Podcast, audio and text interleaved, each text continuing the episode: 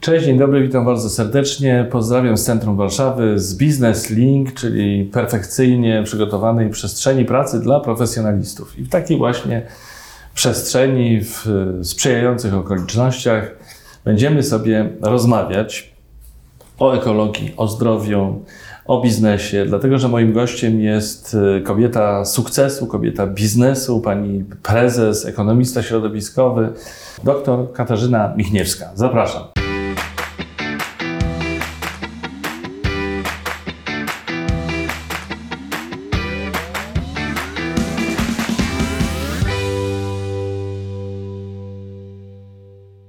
Witam pani doktor i na wstępie chciałem powiedzieć, że na YouTubie jest taki zwyczaj, że wszyscy ze sobą są na ty. W związku z tym, czy możemy tak się umówić, żeby przejść na ty? Jak najbardziej.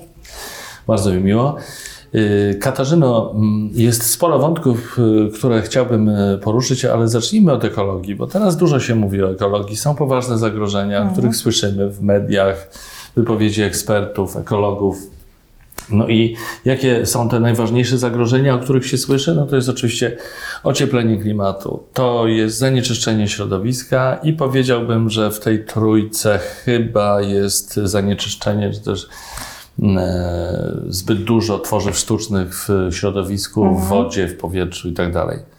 Co Pani o tym myśli? Myślę, Co że- myślisz o tym, że My, myślę, myślę, że w Polsce największym problemem jest to, że e, jednak Polacy w bardzo dużych ilościach palą odpady w domowych piecach, w domowych e, kominkach, co stanowi ogromne zagrożenie dla zdrowia. I myślę, że to jest taki problem, który jest e, cały czas niedoceniany. Czyli robimy to, szkodząc sobie bardzo, bardzo mocno Ale jak to niedoceniane? poważnie. Jak to niedoceniane? Przecież ciągle się o tym mówi. Nawet w stacjach radiowych podają stężenie pył, pyłów, z- poziom zanieczyszczenia powietrza. Bez przerwy się mówi o smogu. Mhm. Czyli w jakim sensie mówisz o tym, że to jest niedoceniany problem? E, niedoceniane jak gdyby zagrożenie, które płynie z tego, czyli ludzie cały czas e, robią to, nie zdając sobie sprawy, jak poważnie szkodzą swojemu zdrowiu. I to do tego stopnia, że można przewidywać, że około połowa odpadów, które oficjalnie powstaje w Polsce, e, że tylko połowa jest oficjalnie odnotowywana w statystykach GUS, a druga połowa płonie właśnie przyczyniając się do smogu. To wyjaśnijmy tę sprawę. Czym wolno, a czym nie wolno palić w piecach? Nie no, generalnie wolno palić tylko tym, co jest przeznaczone do palenia e, w piecach, natomiast to też jest e, problematyczna sprawa, dlatego że w większości historycznie w Polsce paliliśmy w piecach węglem, e, no i to jest coś, od czego też będziemy chcieli odchodzić, bo to też generuje różnego rodzaju zanieczyszczenia, które nie są dla nas Czyli zdrowe. węglem nie wolno palić w piecach. Węglem nie wolno, nie wolno absolutnie wrzucać odpadów do pieców, nie wolno palić tworzyw sztucznych, nie wolno palić różnego rodzaju gazet z nadrukami kolorowymi, e, papieru kredowego. E, To wszystko powoduje, że, że potem po prostu tak, to, co się tak. tam spaliło, jest e, przez nas wdychane. Znaczy myślę, że to jest bardzo cenna uwaga, bo kiedy mówimy o plastiku na przykład, żeby go nie wrzucać do, do pieca, no to jest jasne, ale ty mówisz teraz o papierze drukowanym, żeby tego nie robić, czy o papierze powlekanym jakąś substancją, tak? No a wiele osób prawdopodobnie wrzuca takie rzeczy do pieca, no bo to papier. Jako papier, tak, traktując jako papier. Więc tutaj jest bardzo dużo tych zagrożeń. To jest jeden aspekt, który dotyczy ekologii i o którym powiedzieliśmy, który jest w moim przekonaniu mm, ogromnym zagrożeniem. Drugi to, to ocieplenie klimatu, czyli tu dotykamy spraw na przykład energii. Tak? Jakie jest Twoje, y, może tak, jak y, bardzo Twoim zdaniem sytuacja jest kryzysowa? No powiem Ci, że wygląda to bardzo, bardzo źle. Więc e, tak jak mieliśmy e, na granicach e, i osoby, które uciekały na przykład z powodu wojen, z powodu, nie wiem, chęci polepszenia swojej sytuacji ekonomicznej, to e, takie zdjęcia, które e, pokazywały ogromne rzesze ludzi, którzy uciekają ze swoich e, ojczyzn z tego powodu, że temperatura tam wynosi na przykład 50 stopni Celsjusza, bardzo mocno działało na wyobraźnię. Właśnie, no to jest, to jest wizja apokaliptyczna, można powiedzieć, no bo trudno żyć w, w temperaturze 50 stopni, no ale to się dzieje, bo, bo klimat się ociepla. To po pierwsze, ile nam lat zostało na to, żeby coś z tym zrobić, a po drugie, co, co ludzkość powinna zrobić, żeby się uratować? No, mm, zostało nam bardzo niewiele czasu i mówi się już o tym, że faktycznie e, rok 2030 to już będzie bardzo e, nieciekawa dla nas sytuacja, no a można robić bardzo dużo różnych drobnych rzeczy w zależności od tego, e, jaki temat poruszymy, tak? Można oszczędzać światło, można oszczędzać prąd, mhm. można decydować się, jakimi samochodami jeździmy, jaką emisję one generują.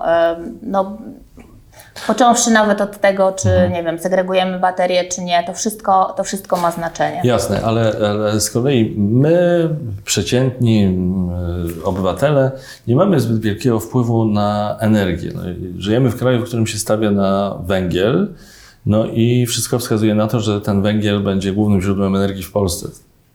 Co z tym zrobić? Mhm. No, jeśli chodzi o energię, to i mamy, i nie mamy, dlatego że no, możemy na przykład decydować, jakiego rodzaju dom budujemy, w jaki sposób się ogrzewamy. No przecież chyba takim e, najbardziej, najczęściej popełnianym błędem są odkręcone grzejniki i otwarte okna. Mhm. I myślę, że mhm. takie, takie przykłady e, każdy zna. E, też od, włączona klimatyzacja i otwarte okno. Tego mhm. jest bardzo dużo. I to wbrew pozorom, jeśli każdy w taki sposób postępuje i popełnia te błędy, mhm. to ma znaczenie. To się mhm. przekłada E, z ilości osób, które tak postępują na, mhm. na skalę makro. No i jeszcze jeden wątek bardzo ważny, czyli tworzywa sztuczne.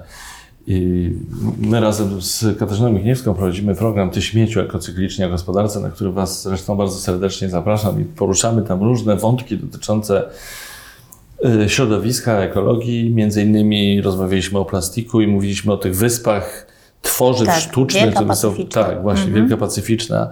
To jest przerażające.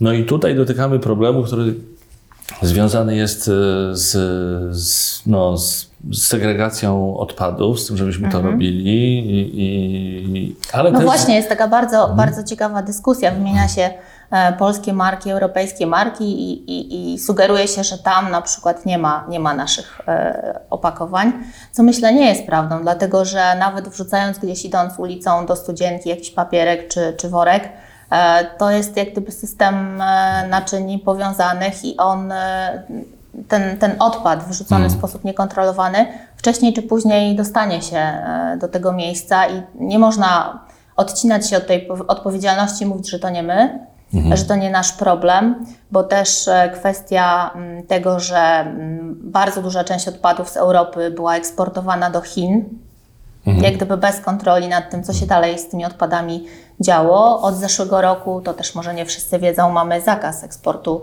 odpadów do Chin. Stąd mieliśmy te pożary, tak? bo nie było co robić e, z tymi odpadami. I te pożary też pokazały, że to jest e, taki problem w momencie, kiedy mm, ten, ten eksport do Chin został e, uniemożliwiony, no to stanęliśmy w obliczu tego problemu do rozwiązania już tutaj u nas na naszym terenie.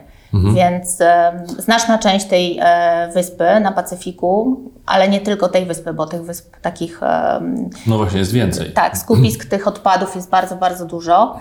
E, odpady tam są z całego świata, tak naprawdę, no bo mamy globalną wioskę z wszystkimi plusami i minusami, czyli również E, te odpady tam dotyczą nas wszystkich.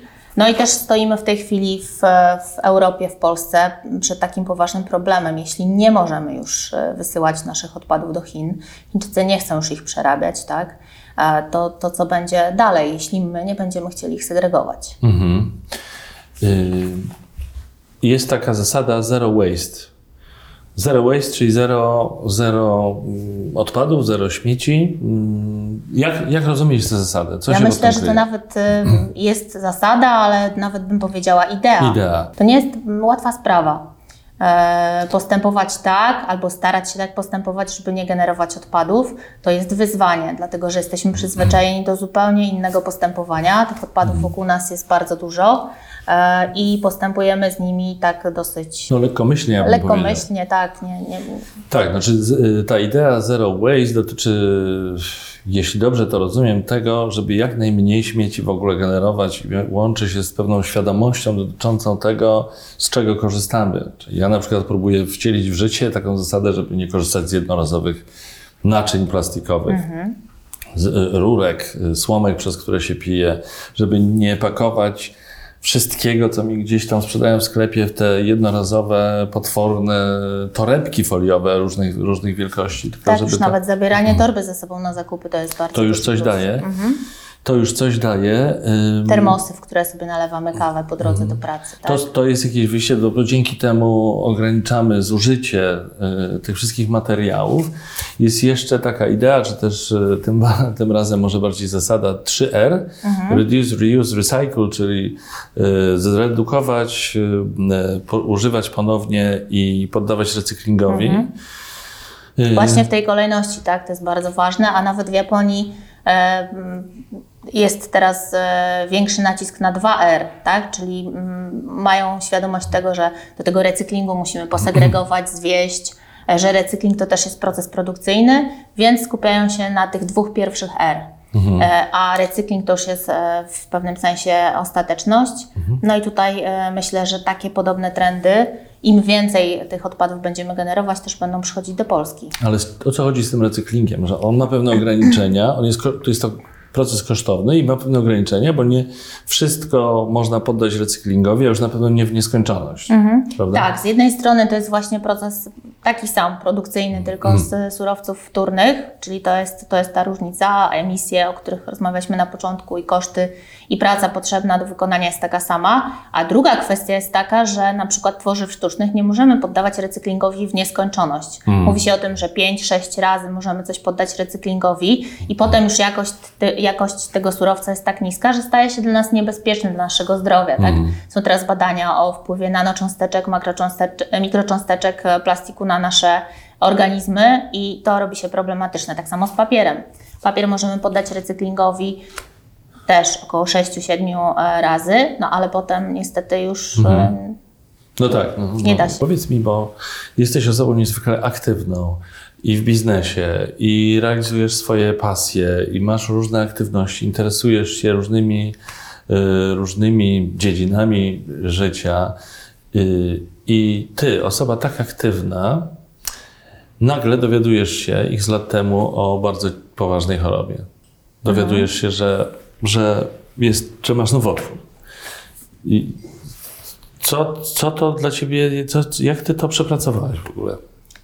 No ja myślę, że tego do końca nie przepracowałam i, i każda osoba, która przeżyła mm, coś takiego, myślę, że, że wie o czym mówię. Natomiast dla mnie, żeby tak obrazowo e, opowiedzieć, co przeżyłam wtedy, e, jest, jest taki fajny przykład. E, żyjemy, planujemy, wyobrażamy mhm. sobie, gdzie kiedyś dojdziemy, jakie mamy marzenia, co chcemy zrealizować. I to jest tak jak gdyby taki film. Nasze życie to film, tak? Mhm. który, który się toczy. I taka choroba, gdzie dowiaduje się człowiek, że na przykład, nie wiem, wieku to było chyba 31, 32 lat, e, że już nie będzie tego filmu, tak? Nie będzie tych kolejnych odcinków, no tak jak na przykład, nie wiem, Gra o Tron, wszyscy się tak. martwią, że ostatni sezon, nie?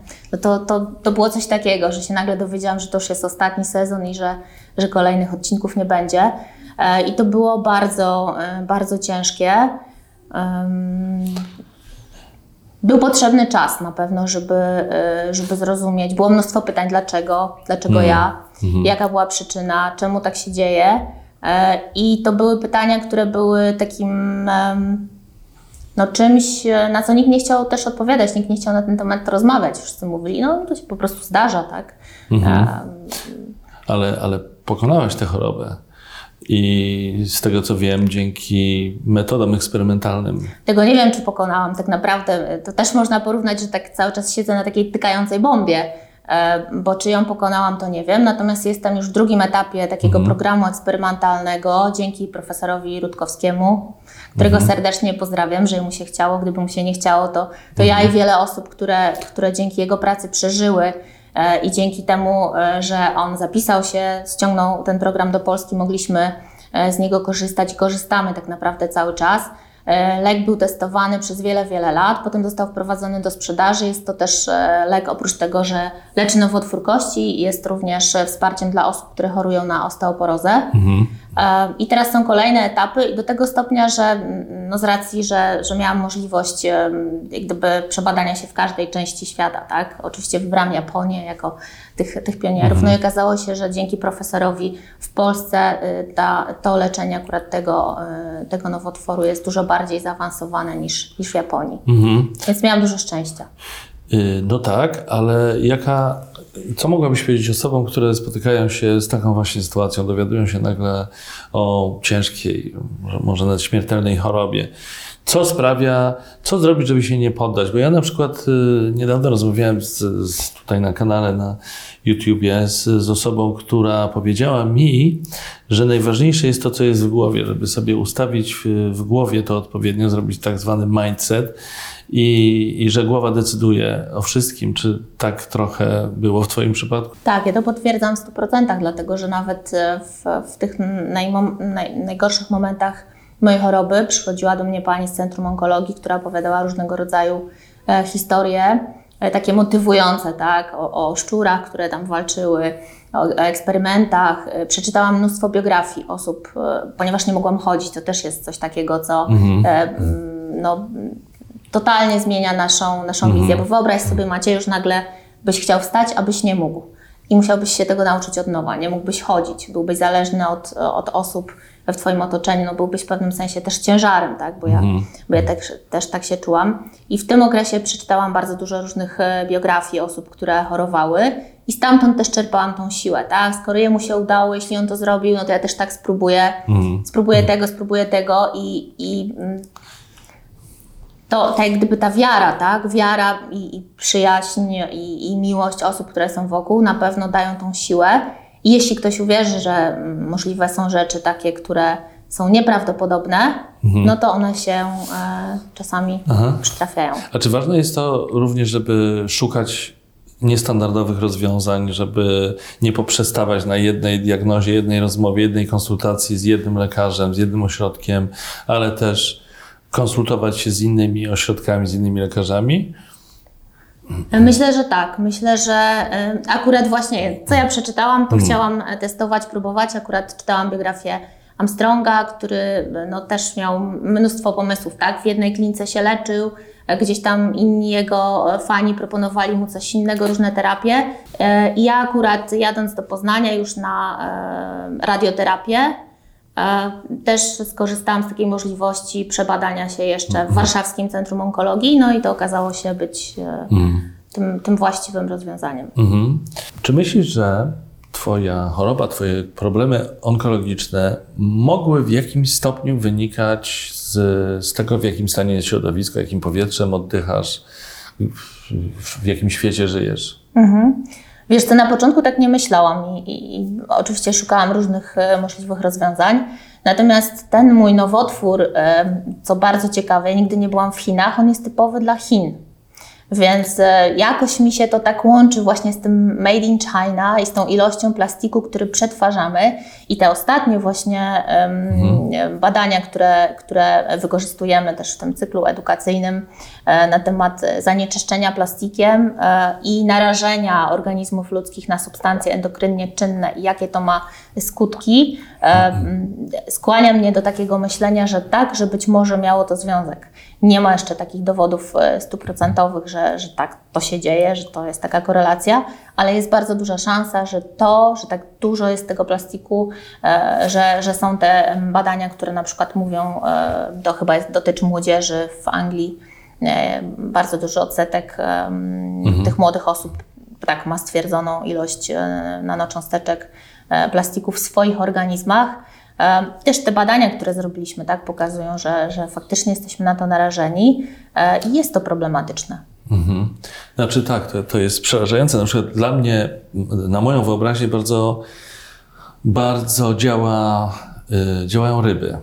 To znaczy mhm. od pewnego czasu na ryby patrzę z rezerwą, mimo że zawsze lubiłem ryby, bo teraz zastanawiam się nad tym przed spożyciem jakiejkolwiek ryby, skąd jest ta ryba i co ona może mieć w środku, co ja za chwilę zjem wraz z tą rybą. Jakbyś zapytał dietetyka, to on ci poleci rybę, ale jak zapytasz ekologa, to mm -mm. No tak, ale żyjemy w takich czasach już. Myślę, że porządny dietetyk to powinien dodać. Skąd ta ryba? Skąd ta ryba? Mhm. Ryba tak, ale właściwie do tej pory nie wiem skąd ta ryba. Znaczy, znaczy gdzie, jaka ryba będzie bezpieczna? Ryba hodowlana, bo, to, bo, bo, bo, bo będzie, nie wiem, karp hodowlany, to wiadomo, że tam nie, nie, nie wiem, to jest materiał pewnie na oddzielną rozmowę i tak, tak jak w ogóle sprawa odżywiania się. Mhm na pewno jest e, część wspólna między ekologią, mhm. E, onkologią, mhm. zdrowiem środowiskowym. Te wszystkie elementy się łączą e, i myślę, że jest tutaj bardzo dużo do zrobienia. Co to są onkobiegi? Onkobieg to jest taka rewelacyjna inicjatywa mhm. organizowana ponad już 12 lat bodajże, jeśli dobrze pamiętam, przez Sarkomę, przez takie stowarzyszenie, które pomaga ludziom cierpiącym na choroby onkologiczne. Są tam fantastyczne osoby, do których, e, jeśli właśnie taka wiadomość, jak grom z, jasnego nieba na nas mhm. spada i nie wiemy, co robić, w którą stronę pójść, do jakiego lekarza e, się zwrócić, to można tam zadzwonić e, ale można też właśnie w ramach onkobiegu biegać wokół Centrum Onkologii, Hmm. E, dodawać otuchy ludziom, którzy leżą e, w salach szpitalnych i nie mogą e, biec, ale można też biec na przykład z kroplówką, można, można jechać na hulajnodze. Za każde okrążenie sponsorzy przekazują środki dla osób cierpiących na choroby nowotworowe.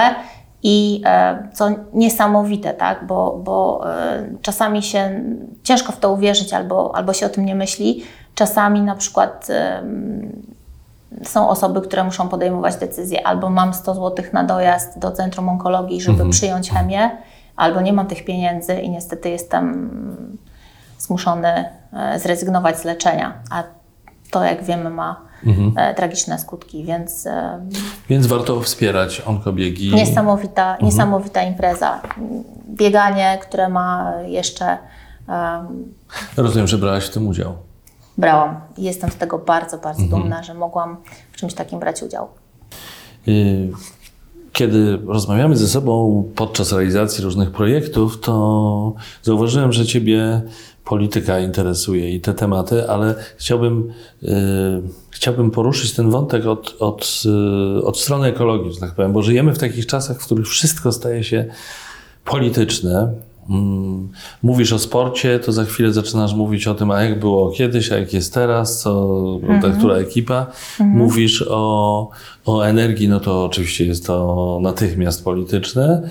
Czy jest podobnie z ekologią? Czy ekologia jest tematem politycznym? Czy jest tak, że jeżeli jest, y, jesteś po prawej stronie, załóżmy, to to nie popierasz ekologów na przykład walczących o drzewa w Puszczy Białowieskiej yy, i tak dalej? Zauważasz coś takiego?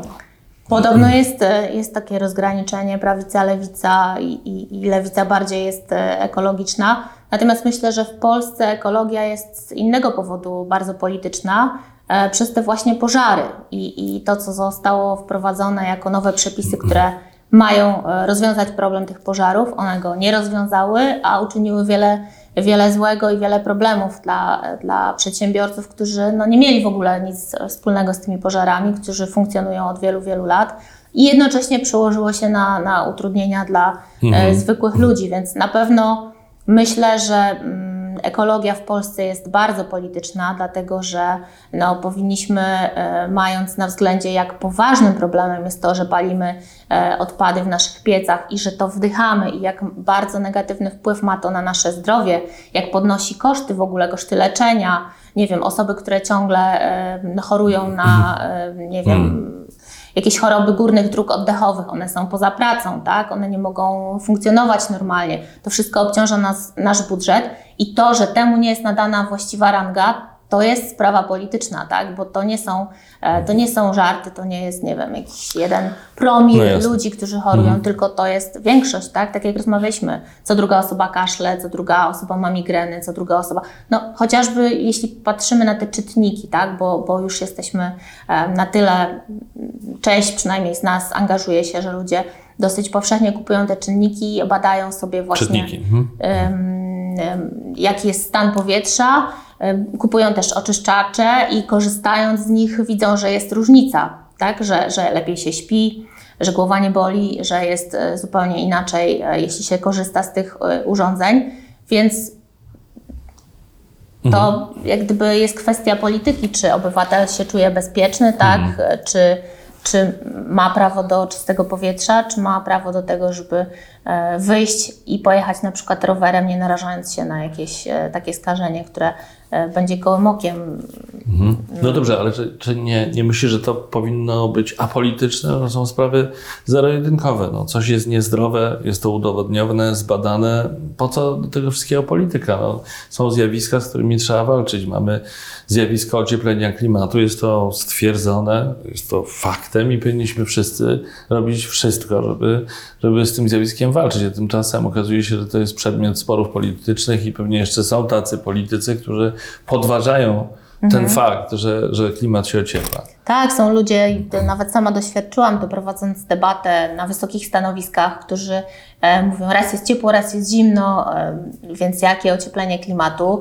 E, są osoby, które uważają, że wycinka drzew to jest w ogóle jakiś, nawet nie, nie jestem w stanie tego powtórzyć, tak, przewietrzenie lasu i że jest to coś słusznego i potrzebnego, mm. więc no tutaj też jest kwestia wiedzy, tak, jeśli ktoś decyduje o tym, w jaki sposób rozwiązujemy pro, problemy ekologiczne w danym kraju, no to on musi jednak mieć wiedzę, wiedzę tą najbardziej aktualną. No tak? tak, ale wydawałoby się, że jak ktoś jest załóżmy ministrem środowiska, to musi mieć te kompetencje, musi mieć tę wiedzę.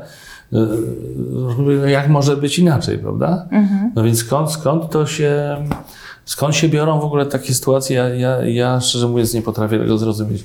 A powiedz, gdybyś ty została ministrem środowiska, to co byś, jakie, co byś przede wszystkim zrobiła? Jakie decyzje? Taka hipotetyczna sytuacja. No przede wszystkim e, zadbałabym o to, że, żeby nie podnosić tych e, parametrów do alarmów smogowych, tak jak była teraz mhm. próba, to minister zdrowia na szczęście zablokował tą, tą możliwość, że e, alarm miał być dopiero jak już po prostu, nie wiem, ciemno jest i w takiej odległości byśmy się mhm. nie widzieli nie ze względu na zanieczyszczenia. Przede wszystkim alarm smogowy. Być może trzeba by było pomyśleć o tym, żeby zanim uda nam się mhm. dokonać tą długofalową zmianę, jeśli chodzi o E, sposób pozyskiwania energii wykorzystywania energii, to w krótkim okresie zadbać o dzieci, tak, o przedszkola, może oczyszczacze jakieś, e, żeby to e, z budżetu państwa było zapewnione, żeby te dzieci miały szansę na właściwy rozwój mhm. i, i na zdrowie w przyszłości. Na pewno szeroka informacja na temat tego, co jemy. Mhm. Tak, na temat zagrożeń, które wynikają z zbyt dużej ilości plastiku w naszych organizmach. Jest bardzo dużo nowych odkryć e, naukowych, które są sprawdzone, które są zweryfikowane, które w naszym kraju w pewnym sensie są wypierane i, i e, z, bardzo, z bardzo negatywnym skutkiem dla naszego społeczeństwa. Więc na pewno, na pewno e, tutaj, jeśli chodzi o gospodarkę odpadami, też to mm. wspominane mm -hmm. palenie odpadami powinno być zabronione. Też zupełnie inaczej zorganizowałabym e, segregację odpadów, właśnie mając na względzie te rzeczy. No, zasada 2R, 3R, idea zero waste w każdej szkole podstawowej jako, jako taki wymóg mhm. bez, bez, e, bezsprzeczny. E, mhm. Nauczyciele przede wszystkim też powinni wiedzieć, jakie są główne zagrożenia, jak możemy nim się przeciwstawiać. Mhm. Więc mhm. no, myślę, że to jest bardzo długo długo można by mówić, co powinno być w Polsce zrobione, żeby podnieść jakość e, naszego życia, jeśli chodzi o kwestie ekologiczne mhm. E, i jeśli chodzi o to zdrowie środowiskowe. A jeśli chodzi o inne kwestie, dasz się wyciągnąć na, taką, na takie dywagacje, bo wiem, że polityka to jest coś, co, co Cię żywo interesuje. Zresztą no, wielu Polaków polityka żywo mhm. interesuje, no bo to jest niezwykle istotna część naszego życia. Co Ci się podoba, co się nie podoba? Na pewno mi się nie podoba e, rozdawnictwo, tak? Mhm. 500 plus, różne formy tego plus, plus na, na krowę, plus no absolutnie nie podoba mi się to, e, że rozdajemy pieniądze i myślę, że mm, z dwóch perspektyw powinniśmy to rozpatrywać. Jeśli rozdajemy e, pieniądze, to mm, osłabiamy tych ludzi, którym, którym mhm. dajemy te pieniądze, powodując, że stają się bardziej narażeni na E, na bezbronność, czy na, na to, że nie będą sobie w stanie radzić w momencie, kiedy tych pieniędzy e, takich właśnie rozdawanych e, zabraknie, a z drugiej strony obarczamy mm, większymi kosztami tych ludzi bardziej przedsiębiorczych i to też no, jak gdyby mówi o takim nierównym trochę traktowaniu w jednym społeczeństwie. Ja byłabym generalnie jako, jako przedsiębiorca za tym, żeby dawać ludziom wędkę, a nie rybę. I też tutaj w momencie, kiedy byśmy dawali możliwości rozwoju polskiej przedsiębiorczości, to Polacy w Europie czy nawet na świecie mają jeden z najwyższych odsetków działalności charytatywnej, więc chociażby Wielka Orkiestra Świątecznej Pomocy jest tego przykładem, no tak, że potrafimy się, tak, potrafimy się fantastycznie zintegrować. Więc, więc tutaj e, tak, bardziej, bardziej bym była za tym, żeby ludzie, żeby uszanować etos pracy, żeby ludzie mogli godnie zarabiać, żeby nie musieli e, liczyć, że dostaną jakąś jałmużnę, ale że za uczciwą pracę dostaną uczciwe pieniądze i wtedy nie będą musieli szukać takich rozwiązań. Co jeszcze? No, mamy teraz e, strajk nauczycieli. Tak, mamy ten ogromny problem który tak. jest y, i głośny, i niezwykle emocjonujący. Mhm. Ja powiem Ci e, taką, e, taką jedną szokującą dla mnie historię. Zobaczyłam na jednej z prezentacji, na jednej z konferencji zdjęcie. Klasa szkolna 200 lat temu mhm. i klasa szkolna teraz. Jakie były główne różnice? Że dzieci patrzyły w smartfony. Nie, no właśnie nie było żadnych różnic. A. Bo dzieci jak siadają no tak, do lekcji, mają, to jest oczywiście ten sam, ten sam długopis, ten sam, ta sama mhm. kartka e, i robimy to samo, no a przecież przez te ostatnie 200 lat, jak, jak wiele się zmieniło. To jest nieporównywalne i to jest w ogóle mhm. niedorzeczne, że tutaj, tutaj nie ma żadnego postępu. E, dziecko, które wraca do domu jest totalnie w innym otoczeniu, w innym świecie. Dziecko wraca do szkoły i mhm. I, Myślę, tam, I tam sytuacja sprzed 200 lat, tak? To chcesz powiedzieć? Sprzed, jakby, tak jakby szkoła się zatrzymała. Zatrzymała się definitywnie. Sytuacja sprzed, e, no, można powiedzieć, kilkudziesięciu, kilkuset lat. E, nie wprowadza się żadnych prawdziwych reform, bo zmienianie ilości klas w danym miejscu to nie jest reforma. E, mhm. Tutaj, jeśli chcielibyśmy mówić o dumnym, mądrym, samodzielnym narodzie, to przede wszystkim zawód nauczyciela musi bardzo, bardzo mocno e, zostać mm, doceniony. E, I dopiero tacy nauczyciele, którzy mają środki na własne szkolenia, na własny rozwój, nie muszą się martwić o, o egzystencję, oni są w stanie szkolić siebie, myśleć o rozwoju naszych dzieci. No a nasze dzieci to wiadomo, że to jest przyszłość mhm. naszego narodu. Więc... Cieszę się, że to mówisz, bo ja jako ojciec y, córki, która właśnie kończy gimnazjum, mogę powiedzieć, że obserwuję to bezpośrednio z bliska. Znaczy to, co się dzieje, to, to ta kumulacja y, roczników y, i ten bałagan i ten stres dla wszystkich, dla nauczycieli, dla rodziców i dla uczniów może przede wszystkim, mhm. to jest po prostu coś, co sobie trudno było jeszcze niedawno wyobrazić, że może nastąpić i właściwie nie wiadomo dlaczego. Społeczeństwo też się angażuje, e, podaje jakieś pomysły, w jaki sposób można by zdobyć środki na, na te podwyżki hmm. i, i, są na dużo, dużo bardziej e, mało istotne rzeczy hmm. pieniądze, a, a coś, co ja myślę, że tak, tak, jak wiem, co chciałaś powiedzieć, ja myślę, że to jest kolejny przykład y, na to, jak to tak wszystko trochę jest jak w tej ekologii, tak? Nie wiadomo polityczne. dlaczego, ale no my jesteśmy truci z dnia na dzień. Tak samo tutaj nie wiadomo dlaczego, ale No nauczyciel... to jest polityczne. To, to, to, no, to jest bardzo polityczny temat. Wydawałoby się, że nie powinien być, bo to jest poza dyskusją. No, nauczyciele powinni być opłacani w godny sposób, a poziom nauczania powinien być zupełnie gdzie indziej i powinna nastąpić prawdziwa reforma, a nie jak niektórzy mówią deforma, deforma. edukacji. Tak, tak. I to jest niby oczywiste, a jednak tak nie jest. Ym, Pomówmy teraz przez chwilę o czymś, co jest nazywane zdrowiem środowiskowym. Mhm. Co to jest właściwie zdrowie środowiskowe? Zdrowie środowiskowe mm, to jest taki koncept z książki słynnego pana Daniela Goldmana, który pisał o mhm. inteligencji. Mm. Najpierw o inteligencji emocjonalnej, potem już tam tych rodzajów inteligencji było więcej. E, ta koncepcja jest z książki pod tytułem Inteligencja ekologiczna. Czyli przekładając to na Polskę, jakiś czas temu mówiło się o tym, że 40 tysięcy osób rocznie ginie e, ze względu na zanieczyszczenie środowiska, potem 45, mm. 50. Ten smog ewidentnie w dłuższym okresie przekłada się na różnego rodzaju choroby nowotworowe górnych dróg, dróg oddechowych, różnego rodzaju alergie.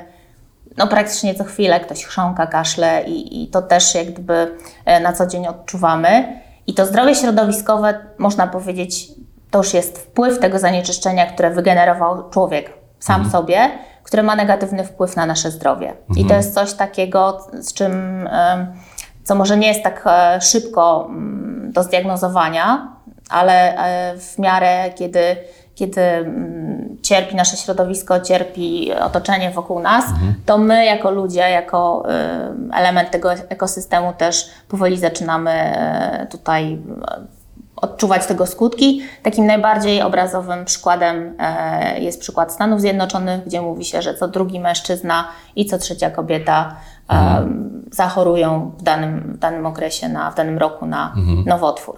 Mhm. Więc tutaj to zdrowie środowiskowe e, nierozerwalnie wiąże się z tym, jak postępujemy, jak, mhm. jak degradacja środowiska ma wpływ na ludzi. Mhm.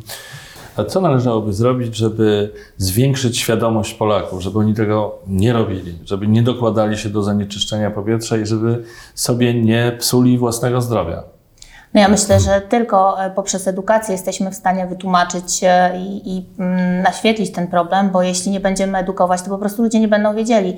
Często jest tak, że e, osoby palą odpady w piecu, bo uznają to jako przejaw gospodarności, albo na przykład uważają, że paląc tworzywami sztucznymi, butelkami PET, czyszczą sobie piece, że to jest coś, coś co sprzyja i, i to jest coś dobrego. Natomiast nie myślą w ogóle o tych dioksynach, e, różnego rodzaju związkach niebezpiecznych, które emitują do środowiska i emitując je w okolicach swojego domu, jednocześnie je potem e, mhm. wdychają.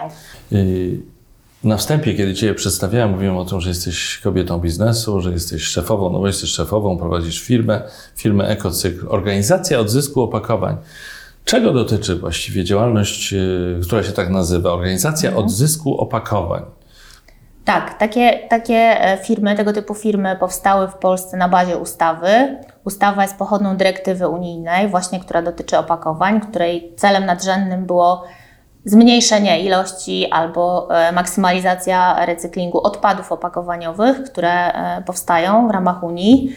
I taka organizacja jest, można powiedzieć, takim dużym hurtownikiem albo takim brokerem, który z jednej strony pozyskuje przedsiębiorców, którzy wprowadzają na rynek produkty w opakowaniach, na przykład jakieś wiem, napoje mhm. w butelkach, przejmuje obowiązki od takiego przedsiębiorcy, wykonuje za niego e, edukację ekologiczną jego konsumentów, mhm. jego odbiorców z drugiej strony e, poszukuję firm recyklingowych, które zbierają z rynku w danych grupach rodzajowych e, te odpady i właśnie przetwarzają je, mm, poddają je recyklingowi.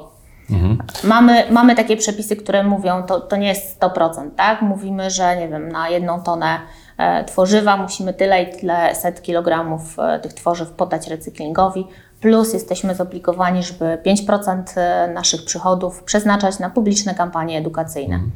Czyli Twoja firma pomaga przedsiębiorcom w realizowaniu tych zapisów e, ustawy. Tak, tak. Dzięki temu na przykład do Urzędu Marszałkowskiego raz w roku sprawozdanie przywozimy my, a nie na przykład 5 tysięcy podmiotów, które musiałaby ta Pani obsłużyć i mhm. musiałaby się z nimi kontaktować, wyjaśniać.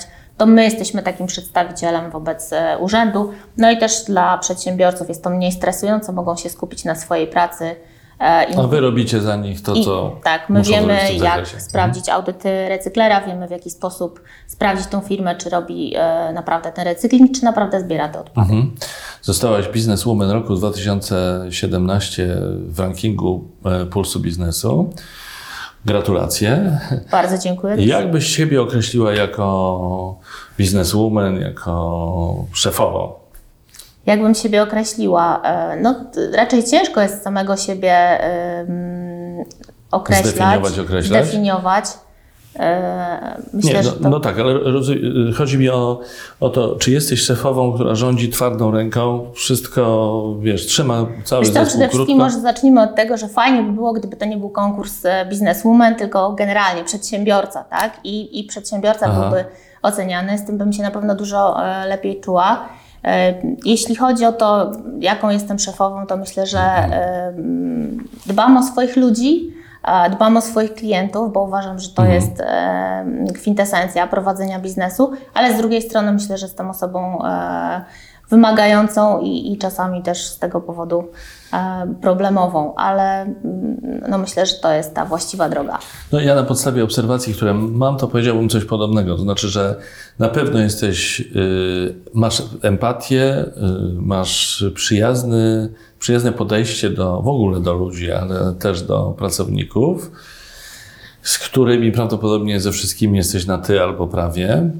E, nie jest tak. Okej, okay, no dobra, no, to tak? może przesadziłem, ale macie dobre relacje, y, integrujecie się wewnątrz was, waszej organizacji, ale jednocześnie wszystko kontrolujesz i, i, i prowadzisz firmę no, dosyć taką, w taki sposób zdecydowany. Nie chcę powiedzieć, że mhm. twardą ręką, ale w zdecydowany sposób.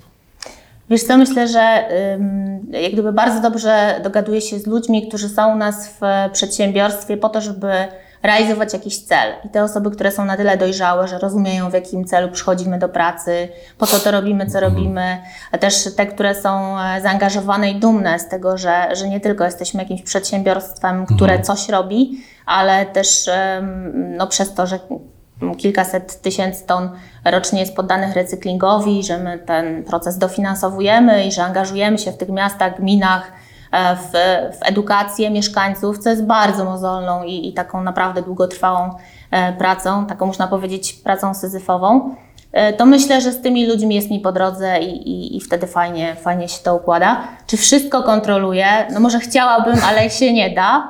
E, I tutaj jest na pewno dużym plusem to, jak są osoby właśnie takie dojrzałe i samodzielne, to, mhm. to dla, mnie, dla mnie to daje przestrzeń do robienia, e, robienia innych rzeczy, które niekoniecznie muszą wiązać się z biznesem, mhm. a też uważam, że są wartościowe i bardzo ważne. Potrafisz delegować zadania? To jest takie dobre określenie. Mówi się, że, że y, dojrzali menedżerowie potrafią delegować zadania.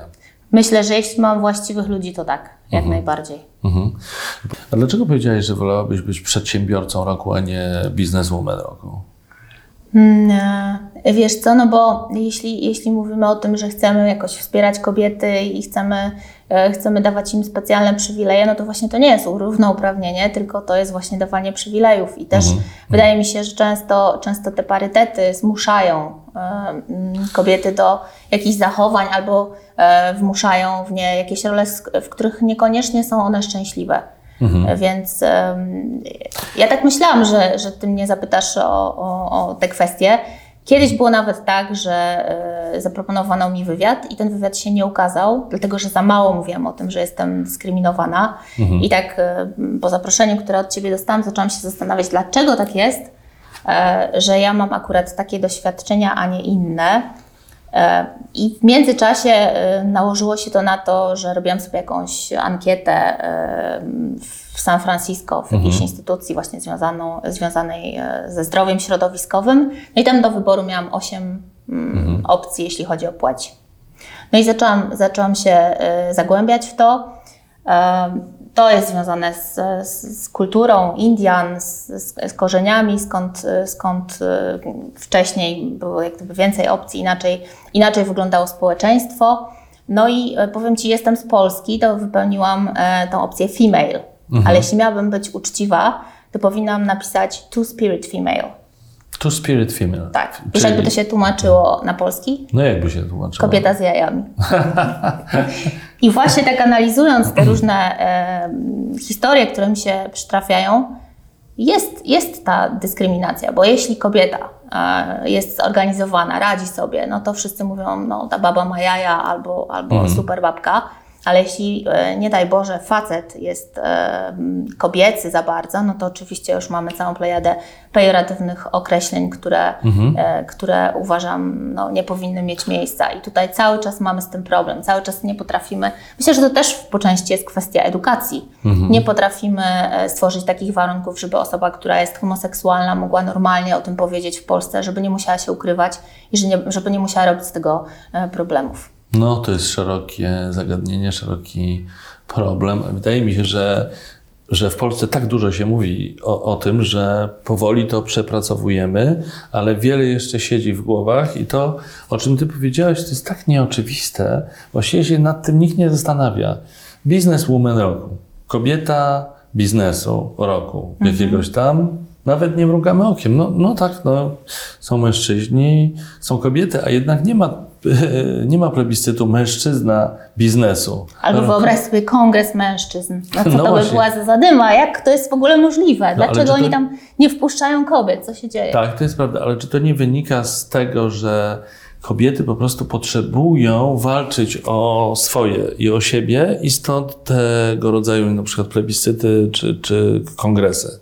Wiesz co, wydaje mi się, że gdyby nie było takiego sztucznego narzucania ról i każdy mógłby być sobą bez takiego mocnego klasyfikowania, bez oceniania, to zupełnie żyłoby nam się dużo, dużo lepiej. Ale czy nie jest tak, że jeżeli kobiety nie będą same, ze wsparciem ze strony mężczyzn oczywiście, walczyć na przykład o parytety, walczyć o swoje, o, o zrównoważenie wynagrodzeń na przykład, bo to je, też jest taki temat, to, to to by się nie stało. No, jeżeli byśmy w świecie, gdzie ta przewaga liczebna mężczyzn byłaby wciąż ta sama. Wiesz, ja uważam wbrew pozorom, że kobiety mają dużo przewag nad mężczyznami. Na pewno nikt nie zmusiłby mnie do, e, do tego, żebym pracowała na takim samym stanowisku e, co mężczyzna. Robiłabym tą pracę, która jest mi zadana bardzo dobrze i dostawałabym mniej pieniędzy. Po prostu nie muszę tam e, pracować. Natomiast ja myślę, że zarówno są kobiety, jak i mężczyźni, którzy potrzebują wsparcia. I to jest kwestia bardziej właśnie współpracy i kształtowania społeczeństwa w taki sposób, żeby ci, którzy mają ochotę być tymi liderami, którzy chcą ciągnąć do przodu, którzy chcą robić więcej, żeby mieli odpowiednie warunki, żeby opiekować się tymi, którzy potrzebują tego wsparcia, ale żeby nic nie robić na siłę, dlatego że te parytety, o których powiedziałeś, one czasami właśnie na przykład w wyborach em, parlamentarnych, one szkodzą kobietom. Kiedy dwie kobiety muszą rywalizować między sobą, wtedy, wtedy takie sztuczne ułożenie, e, rozłożenie tych sił powoduje, że Znaczy ja też myślę, że to jest y, nie, nie, tędy droga. No, trzeba zmienić system i w inny sposób y, walczyć o, to, o tę pewną równowagę niż parytetami. No, y, no tak. Ale to też de facto jest kwestia edukacji. Jeśli będziemy Tak. Mhm. mieli świadomość, jak to było historycznie, zanim z- zaczęliśmy być szufladkowani Mhm. e, i, i zmuszani do pewnych zachowań, to też, też na pewno mm, mógłby być tutaj duży postęp. A propos Wielkiej Orkiestry Świątecznej Pomocy, to wiem, że, że wylicytowałaś niezwykłą, niezwykłą przygodę, mianowicie lot szybowcem. Zrealizowane? Tak, zrealizowane wczoraj. E, Co prawda reprezentował mnie mój mąż w tym szybowcu, O. tak już jak e, przyszło co do czego, e, mm, ale mm, mówi, że, że niesamowita przygoda i to nie, nie pierwszy raz, kiedy wspieraliśmy Wielką Orkiestrę Świątecznej e, Pomocy, bo uważam, że jest to fantastyczna inicjatywa, tak jak wcześniej mówiliśmy, że to też pokazuje solidarność Polaków i tam już jest tyle różnych warstw, e, dlaczego jest to fantastyczna e, idea, że, że ciężko to wymienić. No i też mieliśmy okazję z mężem e, poznać, e, co rzadko się spotyka w polityce, e, osobę niesamowitą, e, ideowca, który, który chce zmieniać e, Polskę, który chce te wszystkie kwestie, o których rozmawialiśmy, e, jak najszybciej naprawić i to był mm, podwójnie e, wyjątkowy dzień. Mhm. To może bez nazwisk, żeby nie było za bardzo politycznie. YouTube nie lubi, kiedy jest za dużo polityki, ale możemy się domyślać, kogo masz na myśli. Pani doktor, gdybyś chcieć podsumować naszą rozmowę i odpowiedzieć na pytanie, słynne pytanie, jak żyć we współczesnym świecie, to co należałoby powiedzieć? Tak, żeby, żeby sobie poradzić z natłokiem różnych zagrożeń, które dotyczą na przykład y, środowiska, ekologii.